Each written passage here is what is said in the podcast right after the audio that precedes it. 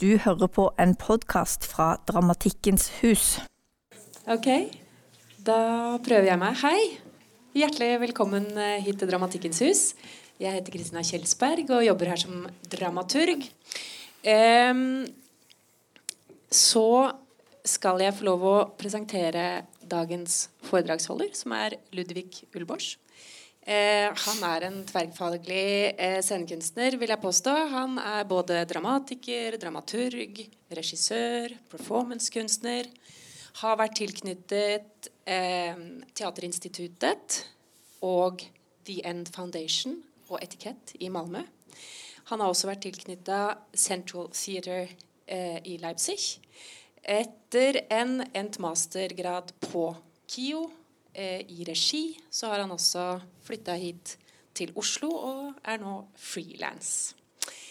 Eh, han har vært tilknytta her på huset som dramatiker i prosjektet med Arne Næss.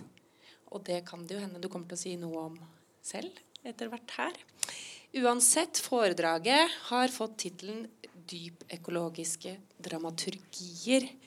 Varmt velkommen. Takk, tusen takk.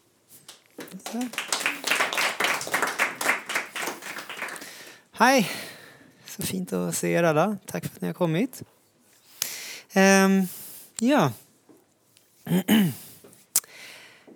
Jag har arbetat med eh, temat djupekologi genom eh, den norska filosofen Arne Næss eh, i, i flera produktioner. Um, och det var redan från början tänkt att jag ville göra en trilogi om honom. Uh, och jag ville att varje del av trilogin skulle ha uh, olika estetik. Um, och att den skulle titta på, på Arnenäs filosofi på olika sätt. För mig så började det med mm, att uh, jag hade flyttat hit och, och, och, jag ville lära känna Norge och jag ville göra det genom en gestalt eller en person som snabbt kunde sätta mig i kontakt med, med med landet. Liksom. Och, och, och då fick jag höra om Arne Ness eh, hytte Tvergestein. Och så tänkte jag direkt att det är en filosof som sätter sin eh, filosofi i relation till sin kropp och till sina handlingar och till en fysisk konsekvens. Och det tyckte jag var väldigt intressant eftersom jag jobbar med scenkonst. Så såg jag en möjlighet där att eh, åka upp till den här hytten och pröva att leva där under de där förhållandena som han har ställt upp och se vad det skulle göra med mig och hur det skulle transformera mig. Och det här var lite innan de här stora vågorna av klimasamtal och diskussioner kom, som har kommit nu. Då. Eh, de fanns ju förstås, men, men inte alls med den kraften som, som, som är idag. Ehm, det som skedde vid den här tidpunkten var att eh, djupekologi trädde in på, på den politiska arenan som en eh, som en verklig aktivistisk och politisk kraft runt om i världen. Vi kommer ihåg de här äh, stora, stora demonstrationerna, äh, eller äh, protesterna i Dakota mot pipeline som gick genom helig mark. Och det som var intressant med, med de här eh, aktionerna som gjordes var för mig att argumentationen var djupekologisk. Att det var helig mark var ett argument. Eh, samtidigt så började regeringar runt om i världen att eh, låta djupekologisk argumentation få genomslag i sin lagstiftning. Så eh, i Nya Zeeland så förklarades en eh, nationalpark för ett eh, subjekt. Eh, floden Ganges blev helig och i Colombia så förklarades all all natur som, som eh, levande och som att den hade egna rättigheter så att åklagarmyndigheten kunde stämma ett företag som kränkte naturens rättigheter eller flodernas rättigheter och sådär. Så det var en helt ny utveckling då som skedde samtidigt. Sen efter det här så har det kommit en annan våg av aktivism eh, som, som, är, eh, som, som, som är lite mer inriktad. Men jag, jag, jag blev tidigt intresserad av just det här djupekologiska perspektivet och, och är fortsatt intresserad av det. Sen finns det massa andra perspektiv på klimatfrågorna som är superviktiga också. Eh, som har väldigt mycket att göra med eh, rationell argumentation och, och, allt det där är otroligt viktigt. Men för mig så har det varit eh, de, några av de saker som Arne ställde upp. Han, han, var ju också intresserad av rationell argumentation men han, han förde fram eh, möjligheten att tänka intuitivt och att argumentera utifrån eh, känslor och att transformeras som individ så att säga. Eh, som en del av, eh, av sin filosofi. Och det är det jag har fokuserat på i mina arbeten.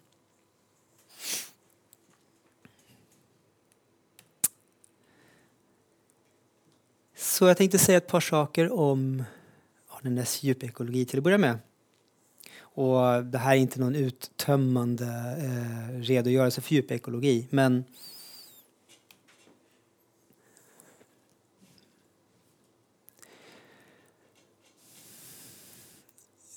Begreppet djupekologi ställer upp begreppet djup mot grund. Och med djup så menas helt enkelt, eh, för att uttrycka det enkelt så eh, det räcker inte med lösningar. Det räcker inte med eh, symptombehandling. Det räcker inte med att lösa klimatkrisen genom att eh, identifiera problem och sedan, och, och, sedan reparera dem så att säga. Utan det vi behöver komma åt är våra grundläggande värderingar. Eh, vårt förhållningssätt till oss själva och det tar jag som vårt förhållningssätt till vår kropp lika mycket som till vår omgivning. Eh, och att det är samma sak. Det sitter i vårt språk, det, det sitter i hur vi går, hur vi står, det sitter i vad vi äter, det sitter i vad vi känner. Väldigt mycket. Så vi pratar om djupt liggande kulturella mönster då. Och Arne menar mot slutet av sitt liv att eh, när vi pratar om livet och vad som är viktigt i livet så sa han att eh, i, i, i, valet mellan, mellan rationalitet och känsloliv så, så, Eh, så är det känslolivet som är det absolut avgörande för livet och då också för hur vi tänker och för hur vi agerar politiskt. Och det var en omvändning för honom, för så såg det inte alltid ut i, i, i hans yngre liv.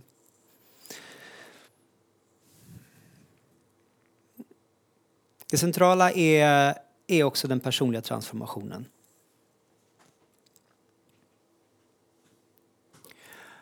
Och den går till enligt en, en, en, eh, Eh, en, en, en, en tredelad uppställning kan man väl säga. Att eh, Genom att du får en upplevelse så får du ett förändrat perspektiv. Och ditt förändrade perspektiv förändrar ditt beteende. Så det är resonemanget som, som ligger till grund för, för, för djupekologiskt eh, tankesätt enligt Arne Näss. Ja, jag har redan rört att beteende springer ur djupliggande kulturella föreställningar. Uh, Arne kände sig vilsen i, i, i, moderniteten. Han insåg det med eh, hur äldre han blev. Uh, och framför allt så upplevde han att den hade berövat honom rätten till ett hem känslan för en plats. Och det här blev väldigt centralt för honom när han sen valde att bygga sin hytte Tvergastein. Uh, och den kommer att följa honom genom hela livet. Men fjäll överhuvudtaget var ju en sån plats för Arne också. Fjäll i vidare bemärkelse. Och den här problematiken som han sätter fingret på där och som han gjorde till ett exempel i sitt liv så att säga, som han brottades med och som han sen förhöjde till politik och filosofi. Eh, det är många som delar den idag eh, inom, inom eh, aktivism och critical theory och som diskuterar det här som just ett, ett problem kanske inom, inom critical theory. Och då är det en forskare som heter Gene Ray som har tagit upp det här rätt mycket, en professor. Jag ska återkomma till honom lite senare.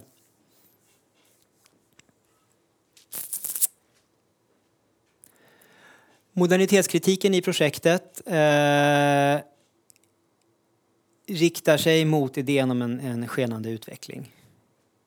Som, eh, som, eh, det, är, det är tron på utveckling, det är tron på förbättring som motiverar exploatering.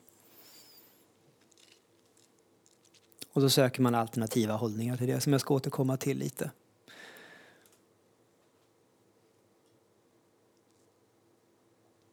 Och just den punkten, precis som många andra, är förstås väldigt inspirerad av, av eh, asiatisk holism och, och, och, och mysticism och, och, tankar som är i omlopp där. Men också hållningar bland eh, ursprungsbefolkningar.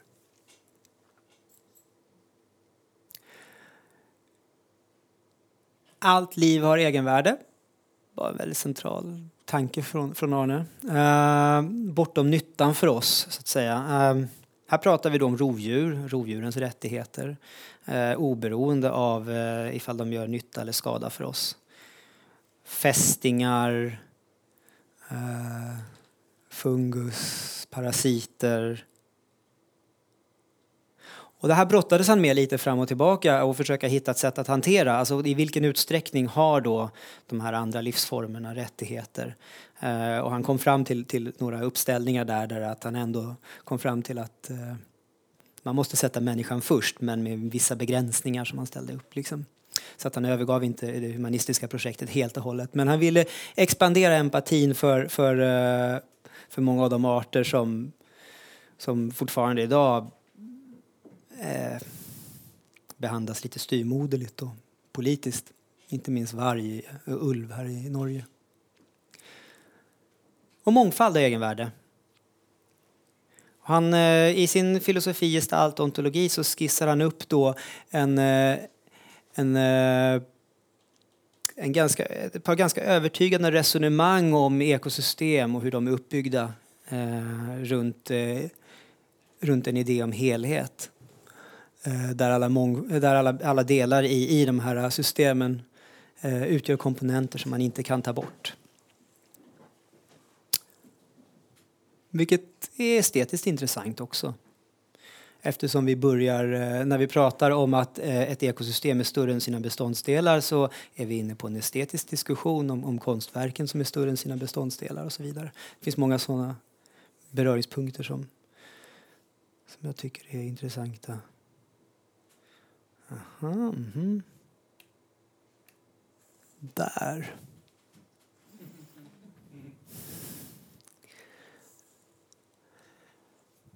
Ja.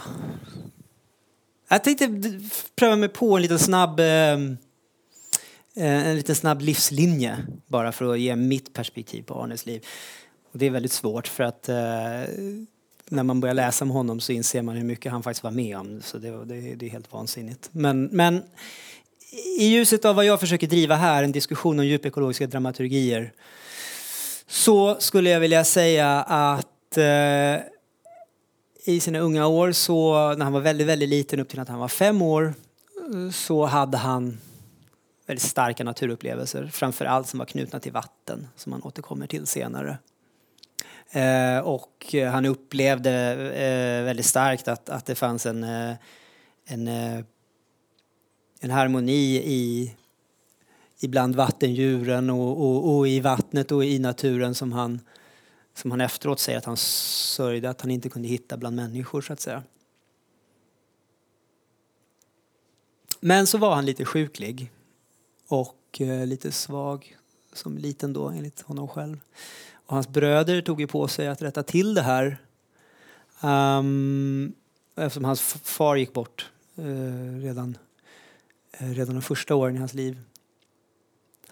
Och eh, de till exempel skulle bota hans höjdskräck när han var väldigt liten och då ställde de honom på ett högt bord så fick han stå där och skrika tills, tills han hade lugnat ner sig. Eller så Eh, när, han var, när han var fem år så hade familjen hade en hytte uppe vid Ostaoset så, så var det en, en, en, en väldig storm.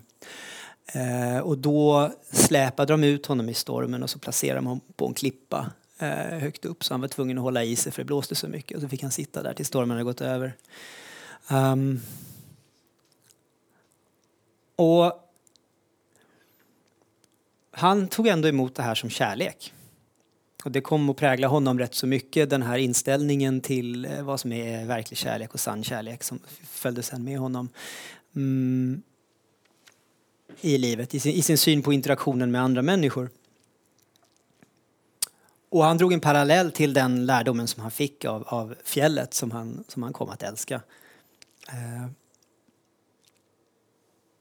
de hårda läxor som, som, som fjället sen gav honom i livet under hans strapatser som han drogs till.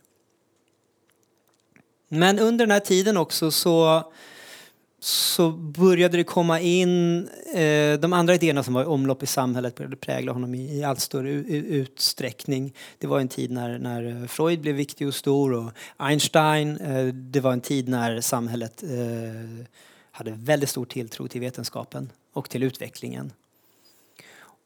Och, och han satte en ära i rationalitet. Och hade som förebilder hade han de här uh, stora äventyrarna Fritjof Nansen och så vidare. Han bestämde sig för att bli filosof och uh, sen så drev han uh, stenhårt en, en, karriär inom filosofi som, som uh, lutar mot positivism och som var väldigt inriktad på, på vetenskapsteori och, och, och han ville liksom få ut då vad han kallade för metafysiken ur filosofin och, och få den att närma sig psykologi och, och and, andra vetenskapliga trådar som var i omlopp vid den tiden som han upplevde som mer förnuftiga. En stark förnuftstro. Men det här slet i honom hela tiden för han hade samtidigt ett par ganska starka eh, filosofiska förebilder som eh, Diogenes och Spinoza och, och Gandhi. Som eh, vars filosofier bottnade i, i en eh, intuitivitet och, och, i ett känslomässigt förhållningssätt till, eh, till naturen i, i, i, olika former av holistiska resonemang.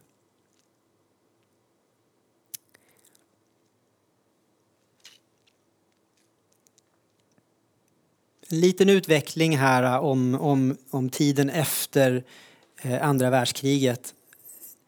Arne Näss iscensatte eh, samtal på universiteten där han bjöd in eh, eh, både motståndsmän och eh, eh de som hade varit nazistsympatitörer under kriget och eh, lät dem samtala in, inför, inför publik. Och de här samtalen var väldigt eh, omstridda då och ifrågasatta av sin samtid. Mm, men han drevs av, av en, eh, en gandistisk eh, övertygelse om samtalskulturen, att man alltid skulle visa respekt för, för alla meningsmotståndare oavsett hur avskyvärda man tyckte deras idéer var. Eh, och det här var också någonting som han hade inspirerats av Wienergruppen i, i Wien som vars medlemmar, många av dem blev avrättade av nazisterna när världskriget bröt ut. Men det var en politisk hållning till samtalet som präglade hela hans filosofiska gärning och också hur han hur han förändrade samtalskulturerna på universitetet.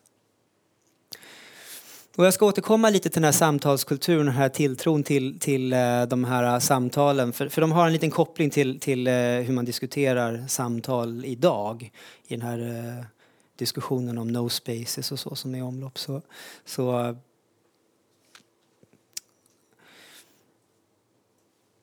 så var det här förhållningssättet till, till samtalet väldigt viktigt för honom att man, att man gav utrymme åt alla röster och skulle jag vilja påstå att det var knutet till hans natursyn.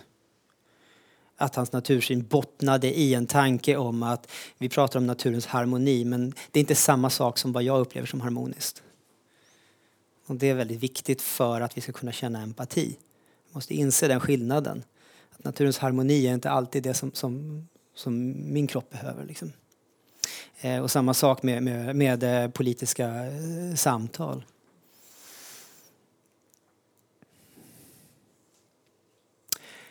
På slutet av 60-talet så spenderade han eh, återigen då lite tid i Yosemite och träffade eh, företrädare från hippierörelsen och fick då de här djupa ekologiska perspektiven som kom via Rachel Carson. Eh, han gjorde också eh, Eh, ett par expeditioner eh, till eh, eh Tseringima och, och träffade eh, Sherpas vars eh, hållning till, till naturen och till fjället som de levde vid präglade honom mycket. De betraktade fjället som heligt, som ett levande väsen. Och det gjorde stort intryck på honom. Och det var här som han började hitta verktyg menar jag för att komma i kontakt med det som han hade förlorat i sin barndom. Och det ledde till att han sa upp sig från universitetet och bestämde sig för att göra någonting annat. Eh, han bestämde sig för att bli guru. Och sen var han guru resten av livet. um, Det var inte alltid oproblematiskt. Han var ju starkt ifrågasatt ibland eh, och, och hycklade emellanåt en hel del. Men han, han, eh, eh, han gjorde också många bra saker och han blev en talesman för, för den djupekologiska klimatrörelsen. Och han eh, lyckades genom att exponera sig själv i media väldigt mycket så lyckades han, han eh, eh, nå ut med väldigt många diskussioner. Mot slutet av livet, eh, när kroppen svek eh, efter att han hade haft eh, rännskita i Antarktis och blev kvar i tältet när alla klättrade upp för fjället så bestämde han sig väl kanske för att sluta med de här expeditionerna i alla fall. Han eh, hade gjort illa sig också i ett par olyckor och sådär. Och så gick ju Arne Junior bort då sen i Verbier var ju senare. Men Nej, inte Verbier, men i, i, en olycka i Schweiz. Jag vet inte vilken ort det var. Men, men eh, alla de här sakerna, den sviktande kroppen och eh, oförmågan att, att göra expeditioner och kanske Arne Juniors död, tror jag, eh, gjorde att han spenderade de sista åren väldigt mycket på Tvergerstein och väldigt mycket på föreläsningar och reste runt. Och så. Mm. Så eh, det är på många sätt en, eh, en resa tillbaka till en naturupplevelse. Som man hade när man var liten, tänker jag.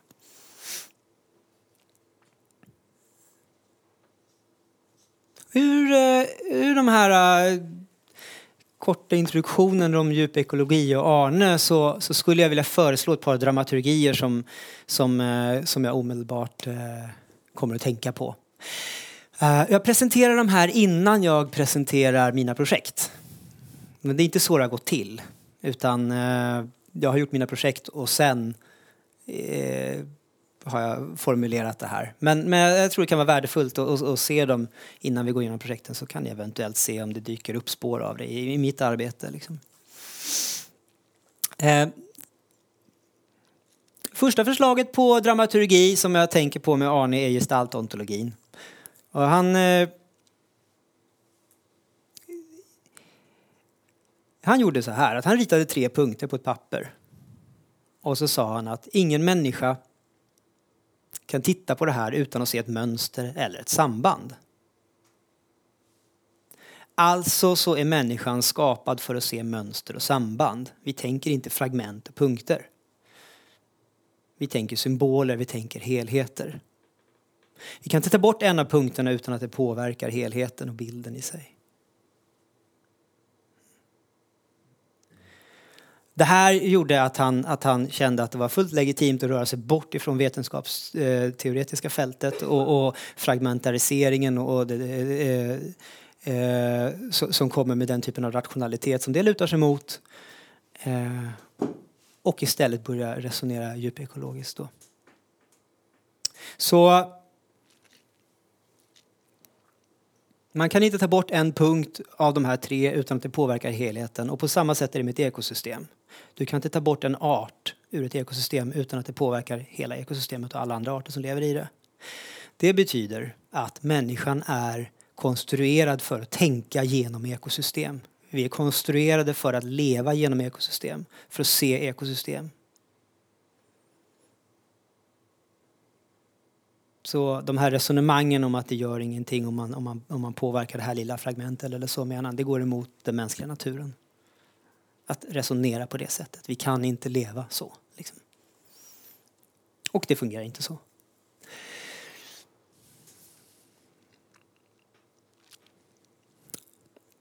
Det finns många, om man tittar på dokumentärfilmer på Arne så det finns en dokumentärfilm när han sitter och pratar och så lutar han sig bakåt och så slår han huvudet i väggen och så blir han så här, det där var intressant. Så, så börjar han sitta och slå huvudet i väggen så här om och om igen. Liksom.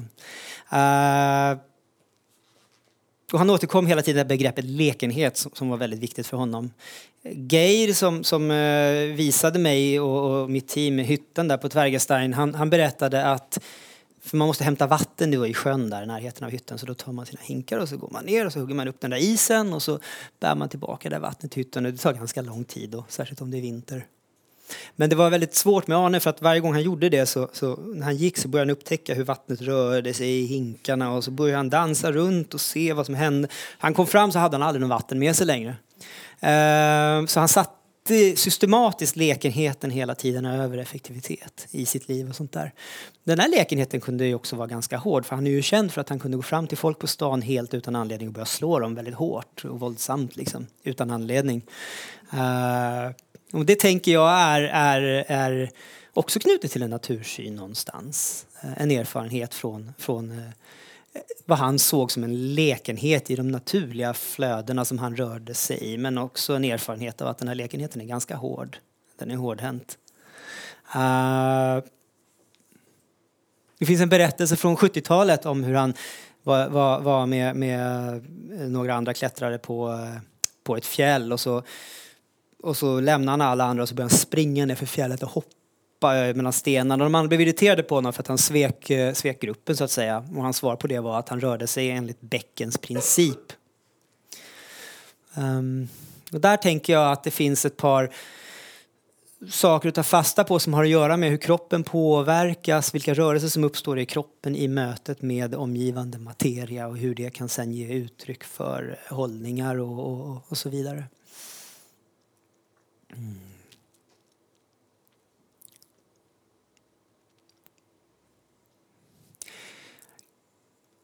Han kallade sin djupekologi för ökosofi T, för Tvergastein. Han menade att den är platsspecifik, den kan bara tillämpas här och han ville att alla andra skulle tillämpa eh, motsvarande ökosofier på andra platser. Liksom.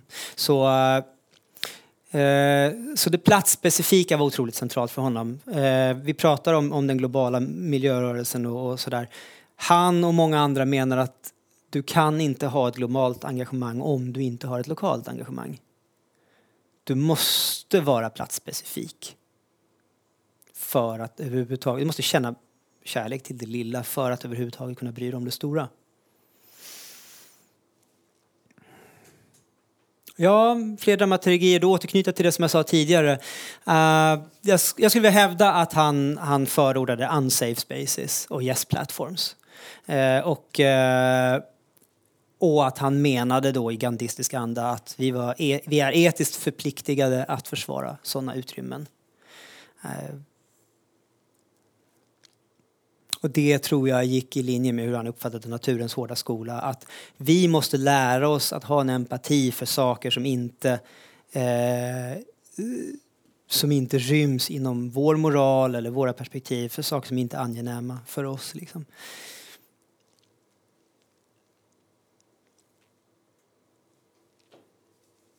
Den gandhistiska samtalsetiken jag varit inne på, den bygger ju på att man ska, eh, man får inte bli arg. Man ska visa respekt för sin eh, meningsmotståndare. Man ska prata sakligt. Eh, det är också någonting som återkom hos eh, Wienergruppen som han, som han eh, spenderade mycket tid med. Han, han säger att ett vanligt resonemang om man hade någon som man diskuterade med och man inte riktigt förstod eller man tyckte att personen kanske var dum eller, eller obildad så, så uttryckte man sig samma så här skulle du godta följande måte att uttrycka din mening på och så komma med ett förslag och, och sådär. Så att det fanns, eh, han trodde på en väldigt kultiverad samtalston då. Och så trodde han på strapatser och utmaningar och det var ju någonting som han drogs till hela livet. Och Tvergarstein är också då Eh, den ligger över trädgränsen och det kan vara under, under vissa förhållanden väldigt, väldigt svårt att ta sig upp där. När det är bra väder så är det inga problem men, men när det är dåligt väder så... Han, han var tvungen att vända flera gånger när han skulle gå ner från hytten framför allt för att sikten är så dålig. Liksom. Men de här strapatserna, eh, det skriver han mycket om i relation till Tvergastein också. Att, de, att det, det, det är en transformerande resa som, som man gör. Mm. Djup glädje eh, tänker jag att det är eh, det är en dramaturgisk verkan i, i, eh, i, i Arnes tankesätt. Det vill säga att, att han sa att att avstå från det materiellt goda behöver inte leda till en känsla av förlust och avsaknad. Istället så kan det eh, medföra en känsla av djup glädje, eller djup glädje på norska. Då. Och det tänker jag att en sån upplevelse av djup glädje som kommer ur att man avstår, eller att man försakar eller, eller genom enkelhet är en, en, en eh, möjlig dramaturgisk effekt i en, i en holistisk dramaturgi som söker helheter och förenar. Så har vi varit inne på den här formen, jag presenterade den förut, personlig transformation, eh, ett förslag på formel. Man får en upplevelse, man expanderar sin empati eller man får ett nytt perspektiv och man ändrar sitt beteende. Tripp, trapp, trull. Och så slutligen då, det som jag också varit inne på tidigare, att intuitiva upplevelser formar oss mer än rationella resonemang. Mm.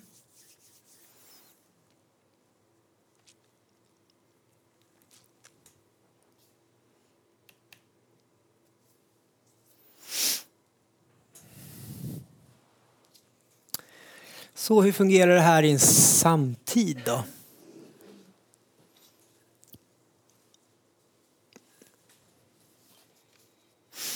Inom den samtida teatern så lyfts det fram många frågor som har att göra med eh, hur vi fortplantar koloniala idéer och föreställningar eh, och eh, patriarkala idéer. Och man diskuterar väldigt mycket sambandet mellan hantverk och eh, gamla hierarkier i teaterstrukturer. Och samtidigt så, så kommer den här klimatkrisen in och, och tvingar alla oss att eh, ta, ta ett, för, eh, ett förnyat grepp om vår relation till naturen. Och för teaterns del så tror jag att det här pekar lite mot ett skifte. Mm, teatern har varit otroligt intresserad av lingvistik, av semiotik. Uh, det finns stora namn inom teatern som, som, som, som har eh, blivit väldigt uppmärksammade för att de har jobbat med det på ett, eh, ett kompromisslöst sätt. Elifrid Jelinek, René Pollers och så vidare i och med klimatkrisen och kanske även, även andra händelser som 9-11 så, så blev den här idén om att människan bara är konstruerad av maktstrukturer, människan bara eh, är, är, konstruerad av, eh, av eh, sociologiska tecken. Den, den, den, kunde inte längre ge en komplett bild av, av, av vår situation. Och när naturen kommer farandes in och, och, kräver att vi förhåller oss till den materiella påverkan som den har så, så Eh, så, så, kräver det ett svar från människorna och från ideologin och från filosofin och, och även från teatern, tänker jag.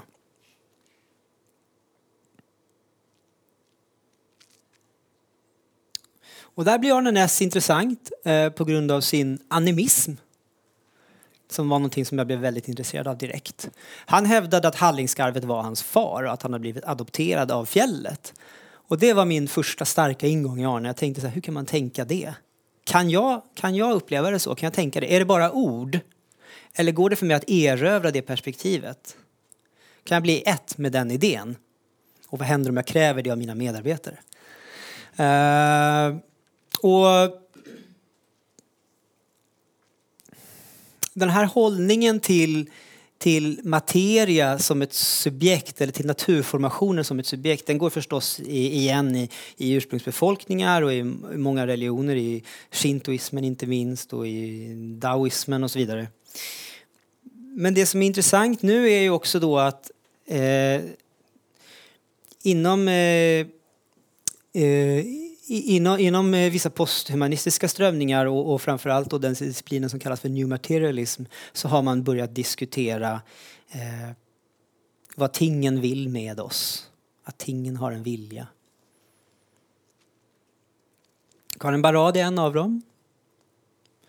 Och hon eh, för fram den här eh, observationen då att neutroner förändrar sitt beteende när man studerar dem. Och därför så, därav så drar hon då slutsatsen att verkligheten är inte blicken och det är inte objektet som man tittar på utan det är summan av blicken och objektet.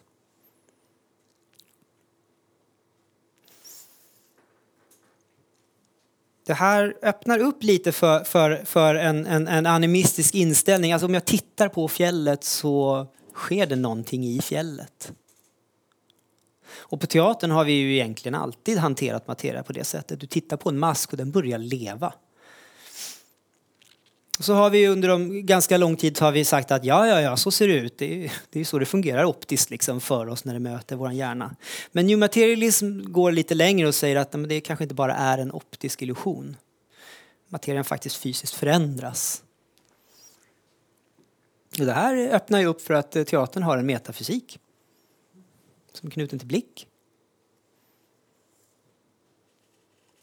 Och det gör också möjligt för oss att återknyta med ett förnyat allvar till, till eh, eh, ursprungsbefolkningarnas traditioner till exempel.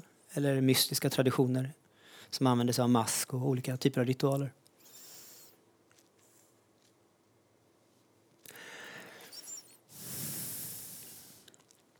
Första det, det, finns en teoretiker som heter Eldridge som, som har studerat mask väldigt mycket och han menar att eh, kanske är det till och med så att eh, han menar att mask är otroligt, otroligt gammalt som, för, som företeelse, bruket av mask, att sätta någonting framför ansiktet. Och han föreslår också att det kanske till och med är så att det där människan definieras. Om man tänker att, att eh, det första som händer som människa är att, att du, du ser en vattenmassa på marken, en svart kärn, du lutar dig över kanten, du ser en spegelbild, du ser ditt ansikte. Du börjar fundera över vem är jag? Anledningen till att du börjar fundera över vem är jag är att du ser dig själv speglas i materia. Sen är steget inte långt till att man börjar sätta någonting framför ansiktet och så vänder man sig mot en annan människa för att se vad, hur, hur hon reagerar, vad som sker med samspelet mellan oss och hur jag uppfattas. Uh,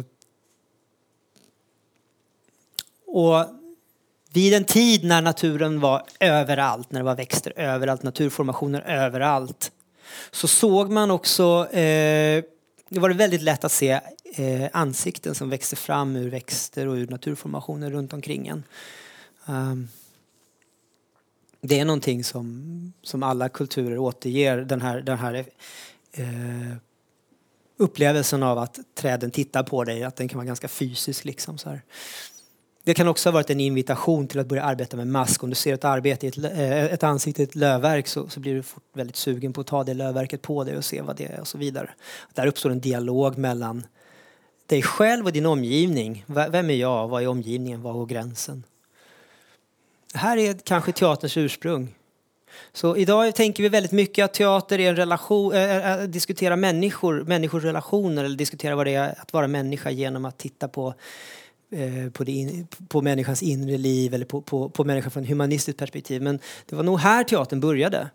Alltså att den första teatern handlade inte om att jag ska föreställa en människa, jag ska representera en människa. Utan, och kanske inte heller att jag ska föreställa natur, utan jag ska föreställa något tredje. Inte människa, inte natur. Någonting annat. Som inte vet vad det är. Eh, vi kan också se att teaterns ursprung, om vi, går till den klassiska definitionen av vad teater börjar så är, så är vi i antika Grekland. om vi tittar på teaterarkitekturen i antika Grekland så är den i stort sett alltid utformad så att det är ett fantastiskt landskap bakom skådespelaren. Så människan står med ett otroligt landskap bakom sig och deklamerar sitt öde. Så det är människan i naturen som är i centrum. Och naturen bakom människan, det kan ju mycket väl ha varit ett jordbrukslandskap eller så. Det var samma sak som människan i samhället. Det var ingen skillnad. För hur man tänkte människan på den tiden. Människan i naturen, människan i samhället. Så. Där uppstår teater. I en diskussion om, om människan i förhållande till natur. Och sen då i förhållande till öde. Det finns en teoretiker som heter Gene Ray som är väldigt värd att, att fundera lite över. Och han, han har nämligen i, i en essä som han skrev eh, jag tror 2016 som heter Endgame så eh, den har en lång titel men eh, ett ord i titeln är Endgame. Och där skriver han att eh, moderniteten har kommit till en slutpunkt. Moderniteten bär på ett gift, en dröm om för, eh, utveckling och förändring. Och det är ju ingen nyhet. Men så går han vidare och så säger han att mitt fält som jag jobbar inom, critical theory, det bär på det här giftet. Mitt fält drömmer om utveckling. Det finns inbyggt i hela den här idén om att förändra och förbättra samhället. Och vi har inte gjort upp med den. Det betyder att hela den här politiska agendan med att hantera eh, den framväxande fascismen och, och, och, och nazismen och så vidare eh, reproducerar exploatering i sin iver att skapa någonting nytt eh, som, som, ska, som ska ersätta, eh, ersätta det här förtrycket då som man, som man försöker bekämpa. Och när han gör det så, så, så säger han ju någonstans att, att marxism och feminism och liberalism och så vidare och självklart nazism och fascism också men alla moderna ideologier eh, bidrar till, till, eh, till eh, exploateringen eh, av naturresurser. Och han, precis som Arne så tar han fasta på två saker. Han säger vi måste tillåta oss att börja känna saker igen. Den här rädslan för känsla som, som critical theory har brottats med så länge efter andra världskriget som vi förknippar med fascism. Eh, den är destruktiv för den alienerar oss. Och sen så säger han vi måste ha rätten att känna någonting för landet, platsen där vi bor. Så han har också en väldigt tydlig idé om det platsspecifika som en, som en grund för, för aktivism.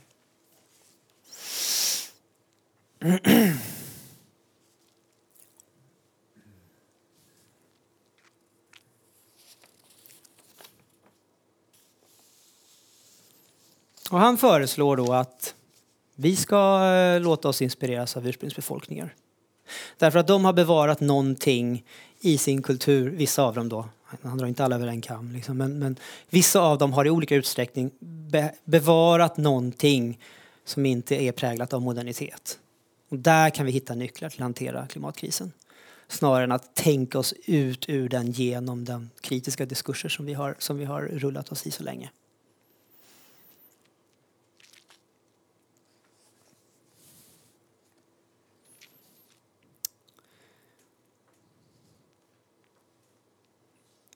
Men enligt den kanadensiska poeten Lisa Robertson så är Europa en eh, kontinent med en förtryckt indigenity. alltså en, en, en, en, en eh, förtryckt ursprungsidentitet. Och det tyckte jag var intressant när jag hörde henne säga det under ett samtal på Blackbox. För det betyder någonstans att vid någon punkt så har vi alla blivit koloniserade. Om vi till exempel återvänder till rötterna av den skandinaviska kulturen. Om vi tar sagorna. Så finns det fullt med exempel på eh, olika sammanhang där människor har betraktat eh, fjäll som, som, som levande väsen. Ett exempel är Tormod från Moss, Eibyga saga. Och, och, i Sverige, jag vet att det är likadant i Norge, men i Sverige där jag växte upp så är det så att varje höjd, varje fjord, varje sjö bär på ett namn som sätter dem i kontakt med ett andligt väsen eller en gud. Så de pekar mot ett animistiskt förhållningssätt till världen. Eh, som, som är en rik, rik, rik värld. Som finns kvar i ortsnamnen. Eh, till exempel eh, när man börjar studera det här så, så, så, är det ganska hisnande. Till exempel nästan alla, alla sjöar i Sverige har bokstaven Ä i sina namn. Vänern, Hjälmaren, Vättern och så vidare. Och Ä kommer från havsguden Ägir. Och så vidare. Så den här typen av paralleller som, som är jättespännande att läsa om.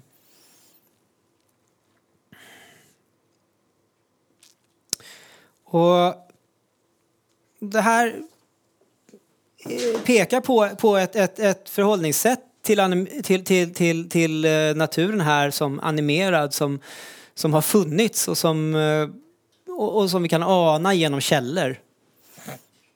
Men som berövades folket som bodde här under väldigt våldsamma former. Hela västkusten i Norge avfolkades under kristnandet. Eh, genom att man dog av våld eller att man flyttade till Island eller, eller flydde undan på olika sätt. Och att försöka hantera en sån där upplevelse av nedtryckt eh, ursprung är kanske ett försök att eh, avkolonisera sig själv. Och jag förstår Gene Rays eh, tankar här. Jag förstår det som en invitation för oss som arbetar inom teater att eh, ge upp vårt begär efter utveckling. Kan det vara så att vår, vårt behov av att producera det nya och vår, vår ambition att förbättra samhället motiverar en attityd gentemot naturen som, som skjuter oss mot utrotning? Och om det är så, hur ska vi göra för att ge upp det här eh, begäret efter det nya som vi bär på? Hur ska vi kunna göra upp med det begäret utan att bli väldigt tråkiga och irrelevanta? Liksom?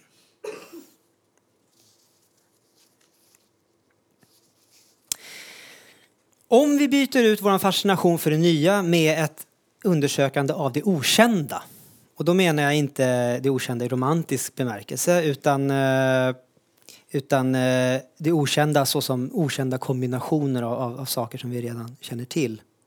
Så kanske vi kan finna att eh, holistiska tankemönster låter oss kombinera välkända moduler på oväntade sätt. Sådana här kombinationer av, av välkänt material på oväntade sätt kan låta oss eh, upptäcka eh, oväntade punkter att tänka ifrån. Utan att vi behöver känna att vi, vi producerar någonting nytt i objektiv bemärkelse. Eh, neuroforskaren R.B. Lotto han menar att våra hjärnor är konstruerade, det här ska jag läsa lite ännu mer utan till än vad jag gör för att inte säga fel för det här är lite hårfint då, men han, han menar att våra hjärnor är konstruerade på så vis att vi bara kan se sådana saker som har varit användbara att se förr. Så han förstår kreativitet som ett spel där vi kan finna modet att möta det okända. Och sånt mod låter oss kombinera tecken på eh, oväntade sätt.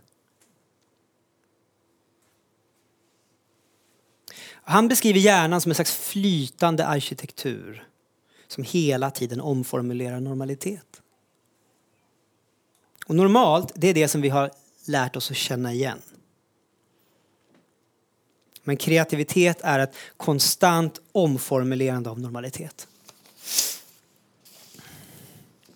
Och det här motiverar, tänker jag, en, en dramaturgi som, som inte är, är beroende av, eh, av att producera det nya. Arne Ness han eh, visade eh, sambandet mellan en sån dramaturgi och naturen med sin filosofi om gestaltontologi som jag berättade om tidigare med de här tre olika punkterna. För det är så att inom teatern så, så är så är vi fortfarande till stor del beroende av, även om, även om, även om vi inte direkt applicerar eh, Bertolt Brechts estetik så som vi uppfattar den så, så, så lutar vi oss mot arvet från Brecht. Liksom. Eh, vi, vi är fortfarande starkt beroende av honom när vi formulerar oss politiskt. Han eh, värderade effekten i en föreställning utifrån hur pass mycket eh, politisk reflektion den orsakade. Och han försökte uppmuntra sin eh, publik att eh, påverka politisk utveckling. Och hans mest kända eh, metod för det här det var då förfrämdung eller alienation.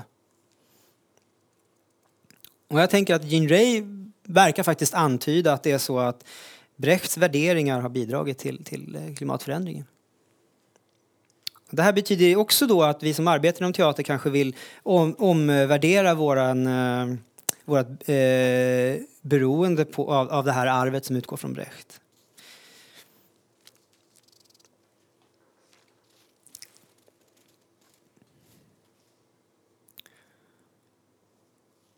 Djupekologi behöver inte utgå från sociologiska eh, eh analyser eller, eller egentligen från dialektik. Det kan, det kan verka genom djupet via irrationella, intuitiva metoder. Jag har ingen användning för alienation. Vilket, vilket förutsätter fragmentarisering och, och uppmuntrar individualitet. Men det försöker erbjuda oss en chans att identifiera oss med principer som är större än oss själva. Principer som, som,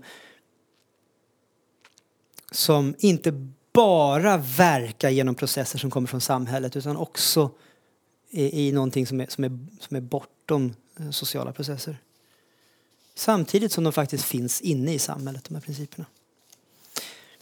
Arne Ness beskriver, om man identifierar sig med, med, på det här sättet med, med de här processerna så beskriver han det som djup glädje.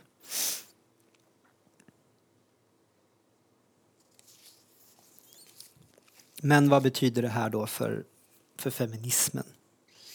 Betyder det att vi måste ge upp idén om jämställdhet? Uh,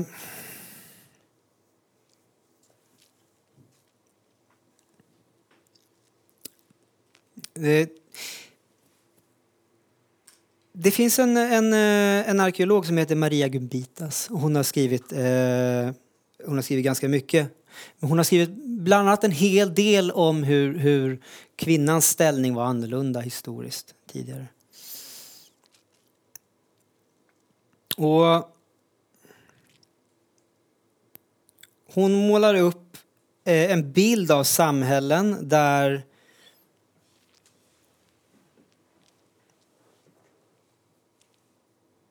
där matriarkala samhällen hade en väldigt, specifik, väldigt specifikt förhållningssätt till naturen och framför allt att de hade en egen medicinsk kunskap. Och hon argumenterar för att introduktionen av abstrakta patriarkala gudar som, som var förknippade med, eh, med himlen eh, att de, de föreslog en, en eh, relation till eh, naturen som, som gick stick i stäv med den relationen som fanns i de här samhällena. Och sen så menar hon då att den här matriarkala eh, kunskapen om naturen, om livet och, och medicin och så det ärvdes vidare upp ganska långt i, i, i, i vår tid i samhällen och förvaltades just genom den kvinnliga kroppen och genom kvinnlig kunskap.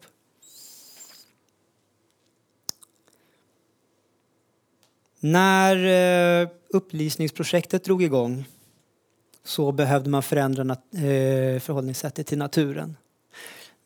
Eh, vi behövde börja tänka att naturen var en, en, en, en hög med resurser som vi kunde använda utan att det påverkade någonting överhuvudtaget.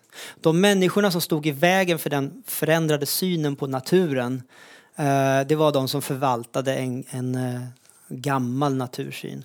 En idé om att naturen är besjälad eller som, som hade en, en, en, en kunskap om naturen som kanske hotade de medicinska monopol som man som man hade odlat genom munkväsendet och sen flyttade in i, i, i den framväxande eh, medicinindustrin.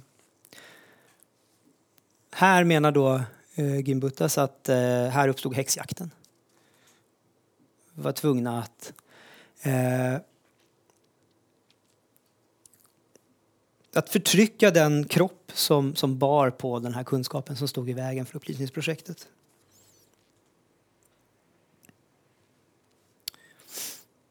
Så det som är intressant då med, med Gimbutas analys för mig här är att i linje med Jean Ray så pratar hon om att idén om jämställdhet och idén om att kvinnan har rätt till sin egen kropp och idén om att eh, vi behöver kvinnligt ledarskap.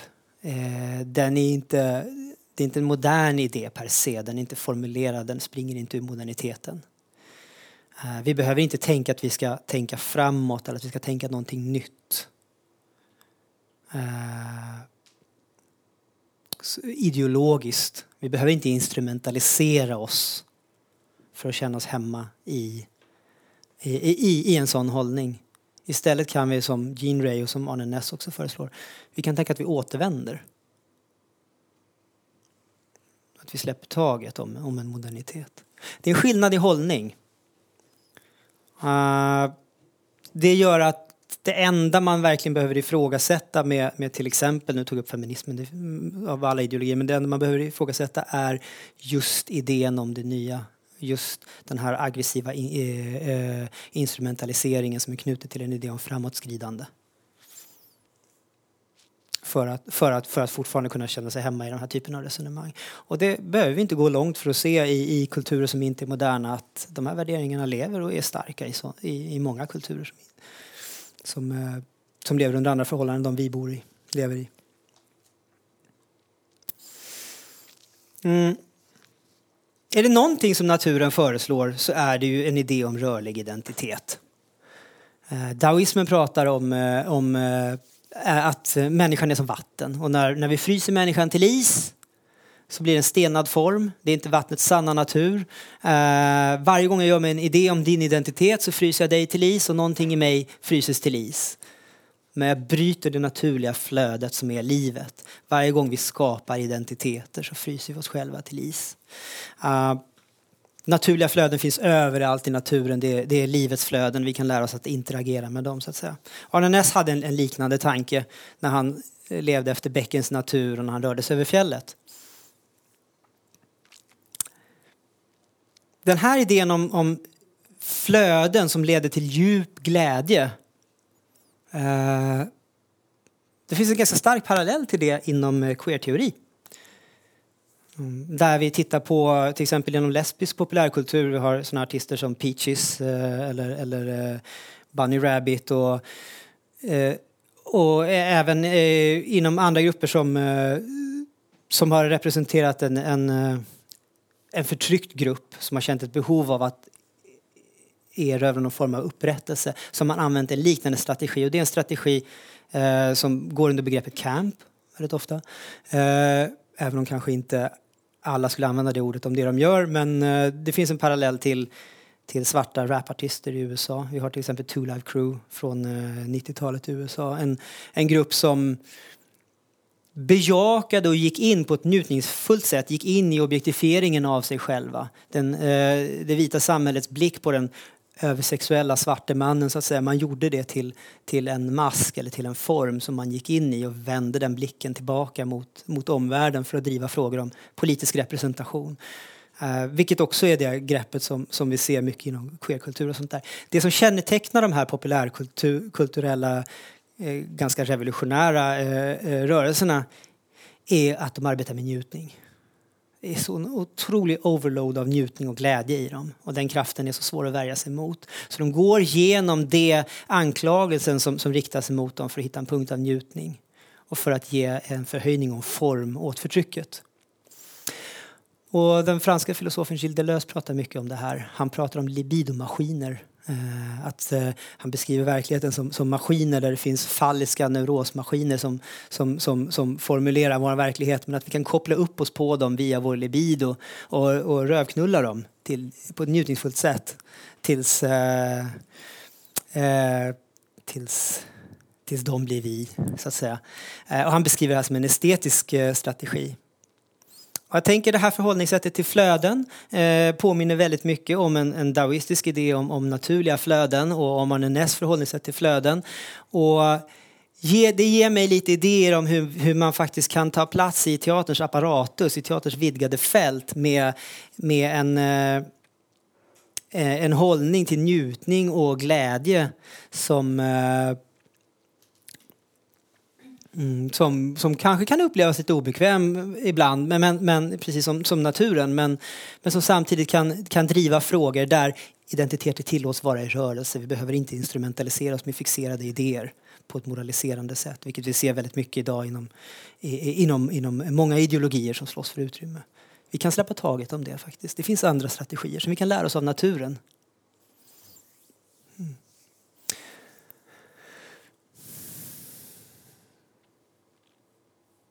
Mm. Det var introduktionen. är ni med? Går det bra? Ja. Är det möjligt att få lite vatten? Tusen tack. Mina projekt bestod av en resa upp till filosofens hytte, Tvergestein. Där vi prövade att bo i hyttan, jag och mitt konstnärliga team, för att få en upplevelse av hans filosofi på kroppen.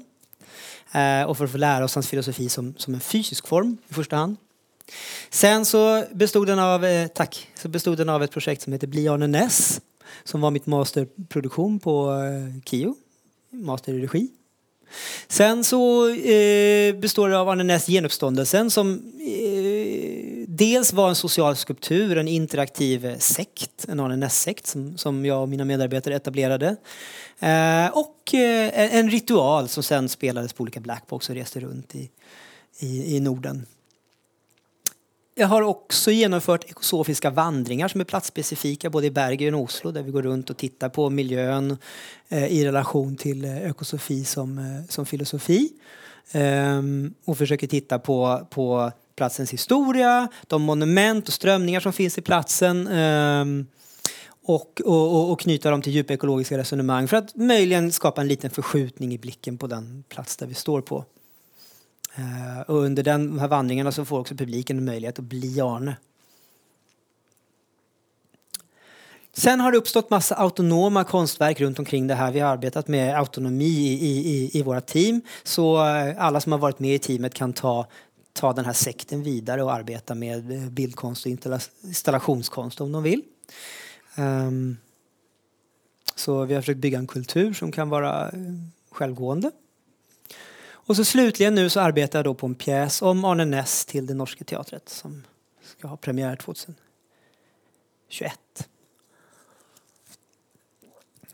Mm -hmm.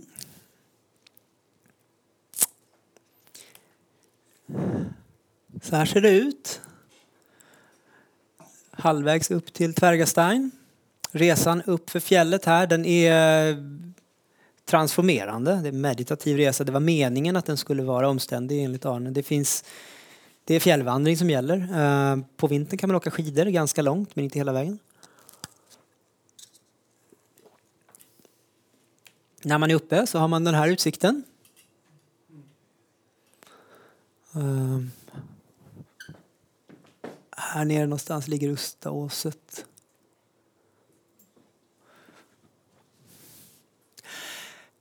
Det är en väldigt märklig tystnad på platsen som, är, som inte är tyst. Uh, samtidigt. Mm.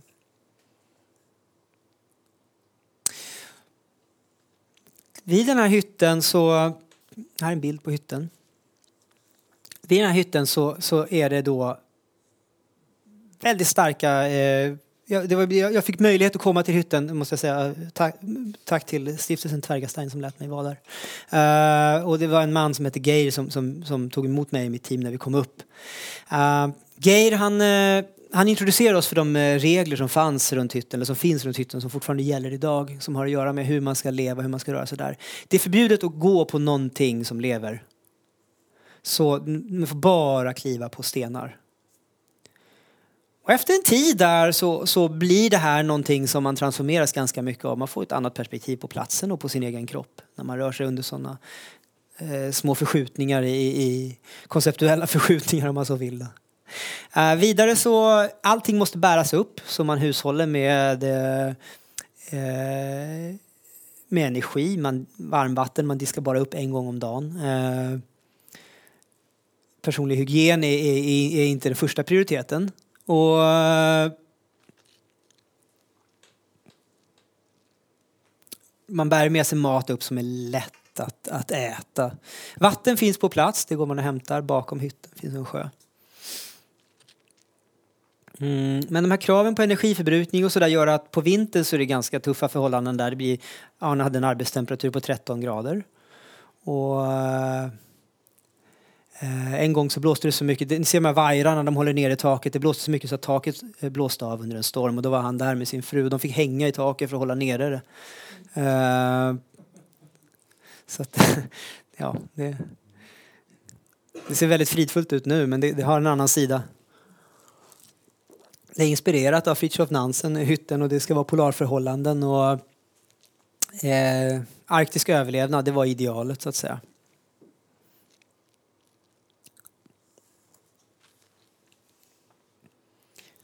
Här är en annan bild när eh, teamet uträttar lite ärenden på plats.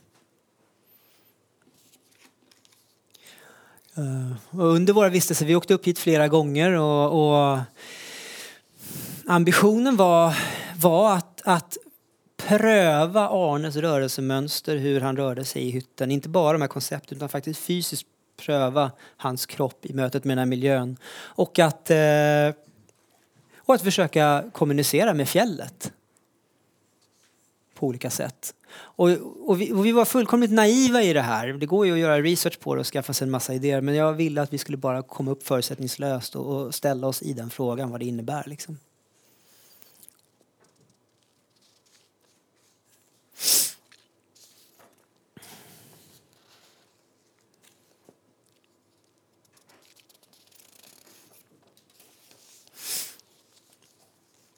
Så efter ett par resor upp hit så kände vi att vi hade förstått någonting om att röra sig i den här miljön och vi hade fått med oss eh, den här miljön in i våra kroppar och, eh, och vi hade studerat hans filosofi.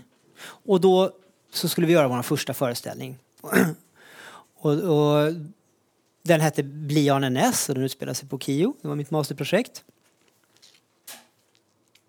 Konceptet för Bli Arne Ness det var att jag, jag uppfattar det som att Arne iscensatte sig mytologiskt. Han iscensatte sig som den vise mannen på fjället. Och därmed så iscensatte han sig som en metafor. När vi gjorde resan upp för fjället och gick igenom de former som han ålade oss så blev vi också bärare av den metaforen. Och det blir man genom att gå genom kroppen, genom det fysiska. Det vill säga man blir det genom kroppshållningar, och man blir det genom att förhålla sig till sig själv och sina ansiktsuttryck som mask. Så skådespelarna använde Arnes kroppshållning och hans ansiktsuttryck som mask i hela föreställningen. Även när de, även när de pratade privat eh, om sina egna upplevelser. Och det är som ett sätt att, att, att, att tränga igenom eh, eh, den fiktiva idén om jaget och att faktiskt bli Arne. Eh, föreställningen byggde också på att eh, jag var tvungen att hämta vatten på Tvärgastein till varje föreställning som vi tog ner i petflaskor och som vi sen eh, frös och så tinade vi dem under föreställningens gång och serverade dem till publikum. Och det var för att, eh, som jag sen ska visa i, tid, i, i, i ett filmklipp, är att eh, det finns en idé om att fjället finns kvar i vattnet och sen går in i människorna. Så vi vill undersöka faktiskt möjligheten att låta publiken, genom föreställningen, låta publiken transformeras. Målet var att de ska komma ut ur föreställningen och har blivit Arne i någon mån. De blir bärare av metaforen.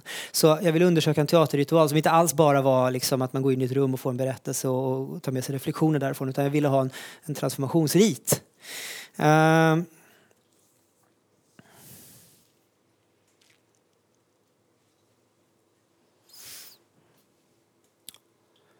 Och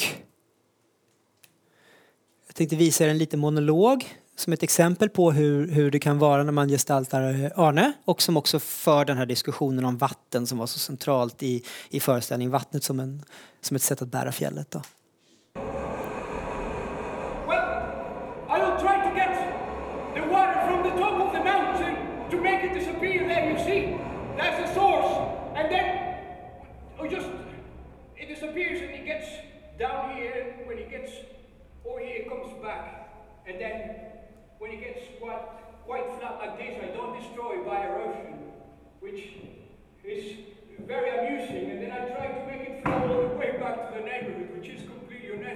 But it's very amusing to be engineer also.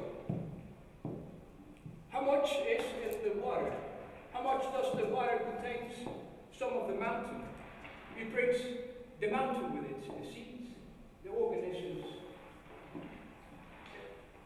you know, we humans are largely contained of water and other things like bacteria and funguses and, and, and 90% av min genetiska material kommer från dessa bakterier. De påverkar hjärnans utveckling. De påverkar vem, vem vi ska bo med. vad ska vi spisa och hur mycket, hur mycket evne är jeg ett år har bott. i tolv år av mitt liv her på fjället. Hvor mye evne og hvor mye handlingsgave er jeg nå? Vi hadde kommet oss til Ustadåset, og det var Så sen håller de en serie monologer som Arne fast privata monologer och, och här är de ganska kalla.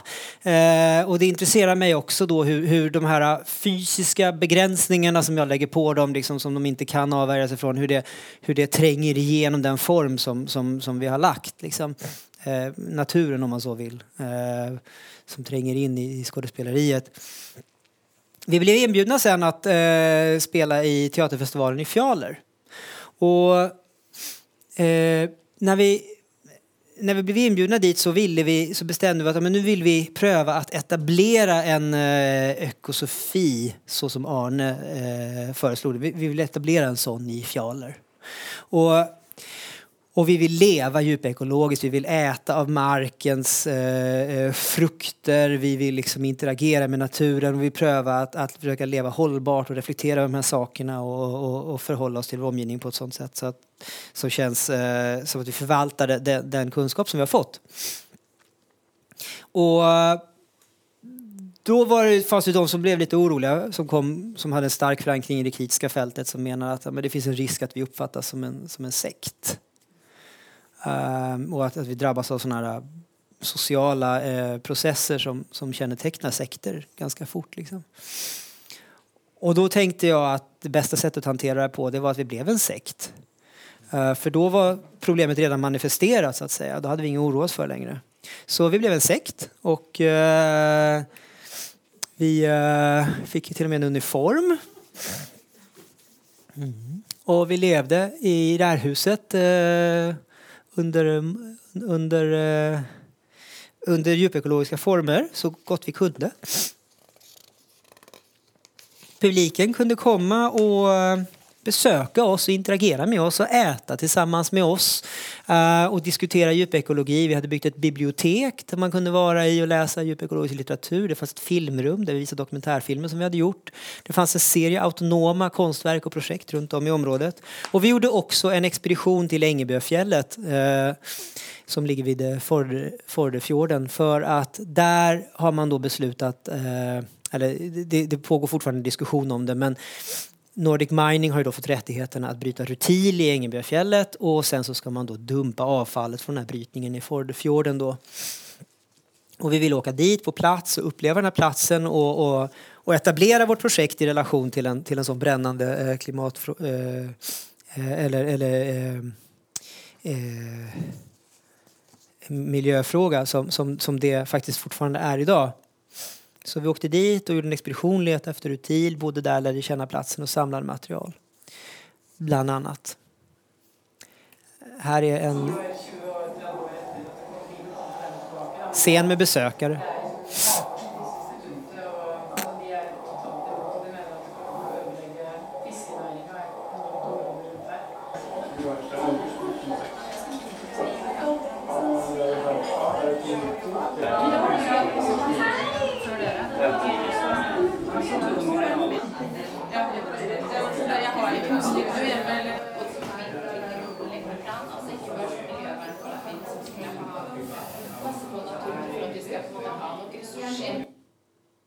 Så det skulle inte finnas någonting utanför teatern. Eh, vi vill inte ha några eh, eh, slutna moraliteter utan kontakt med omvärlden utan vi ville, vi ville låta teatern expandera ut ur, ut, ur, ut ur de begränsningar som vi normalt ålägger den så att säga. Så sov vi där, lagade mat och gjorde, gjorde samma sak som vi gjorde på Tvergasteinen och vistelse där. försökte jag etablera en dialog med, i mitt fall då med fjället, dalen, fjorden och så. Så det ser lite olika ut. Ja. Eh, vi hade en ritual varje morgon. Eh, vi gick och badade. Lät våra kroppar möta vattnet. Och det handlade den djupekologiska upplevelsen handlar väldigt mycket om att placera sin kropp i naturen.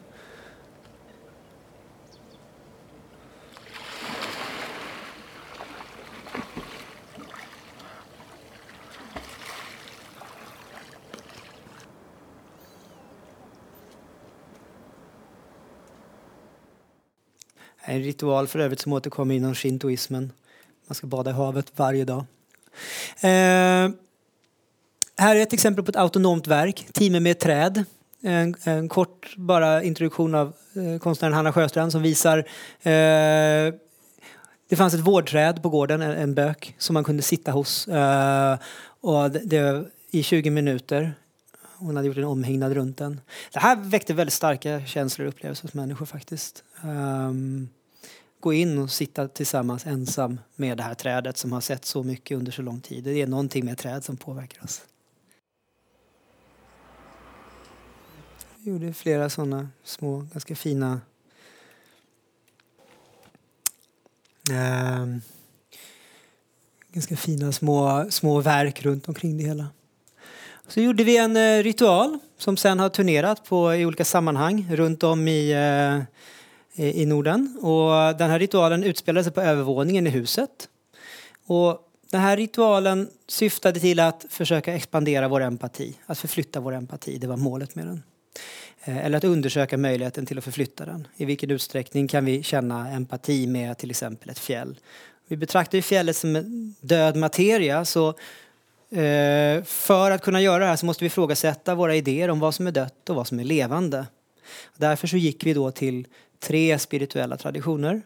Eh, vi gick till eh, spiritism. Vi gick till eh, shamanism och vi gick till orakelkult.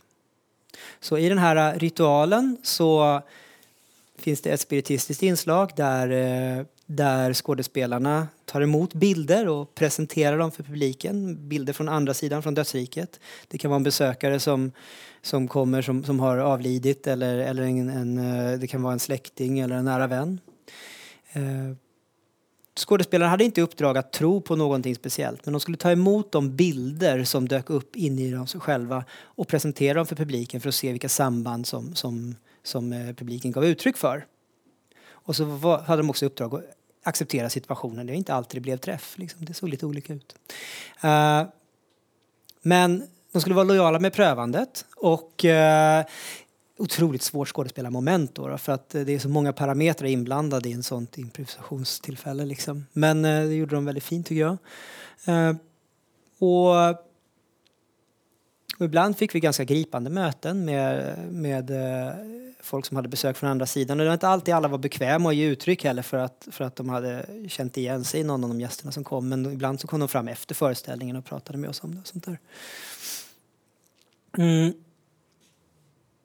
Sen så eh, gjorde vi en maskdans där vi eh, eh, kanaliserade modernitetens demoner in i ett par masker så att vi under trygga förhållanden kunde betrakta dem. Och masker används eh, eh, till exempel hos, eh, i hovet hos Dalai Lama som, som en del av orakelkulten för att ge eh, för att ge svar på frågor och så vidare. Så så, så masker förekommer inom, inom många olika traditioner. Det är för, för oss var det ett sätt att undersöka möjligheten att levandegöra materia. Traditionellt på, på teater så, så brukar man säga att man tar på sig masken utanför scenen och så kommer man in. Men eftersom vi hämtade det här materialet från religiösa riter så tog vi på oss masken på scenen och tog av den på scenen och sånt där. Slutligen då så var det en orakelkult där eh, båda skådespelarna blev, eh, blev Arne Ness och kanaliserade Arnes röst från andra sidan till publiken. Så eh, publiken fick en möjlighet att ställa frågor direkt till Arne. Och de eh, svar som, vi, eh, som Arne gav de var alltid någon av hans åtta punkter från hans djupekologiska manifest oberoende av vilken fråga det var. Så där ställde vi oss i den kinesiska orakeltraditionen som finns i, hos I Ching. Där, eh, där är du själv som måste möta din fråga. Svaret är redan givet så att säga. Och med det så börjar det rinna ut lite ur tid här tyvärr. Uh, stort ämne, jag skulle kunna prata hela natten. Men jag skulle vilja avsluta med en enminuters uh, film bara från uh, maskdansen. så ni får med det som avslutning, för den är så fin.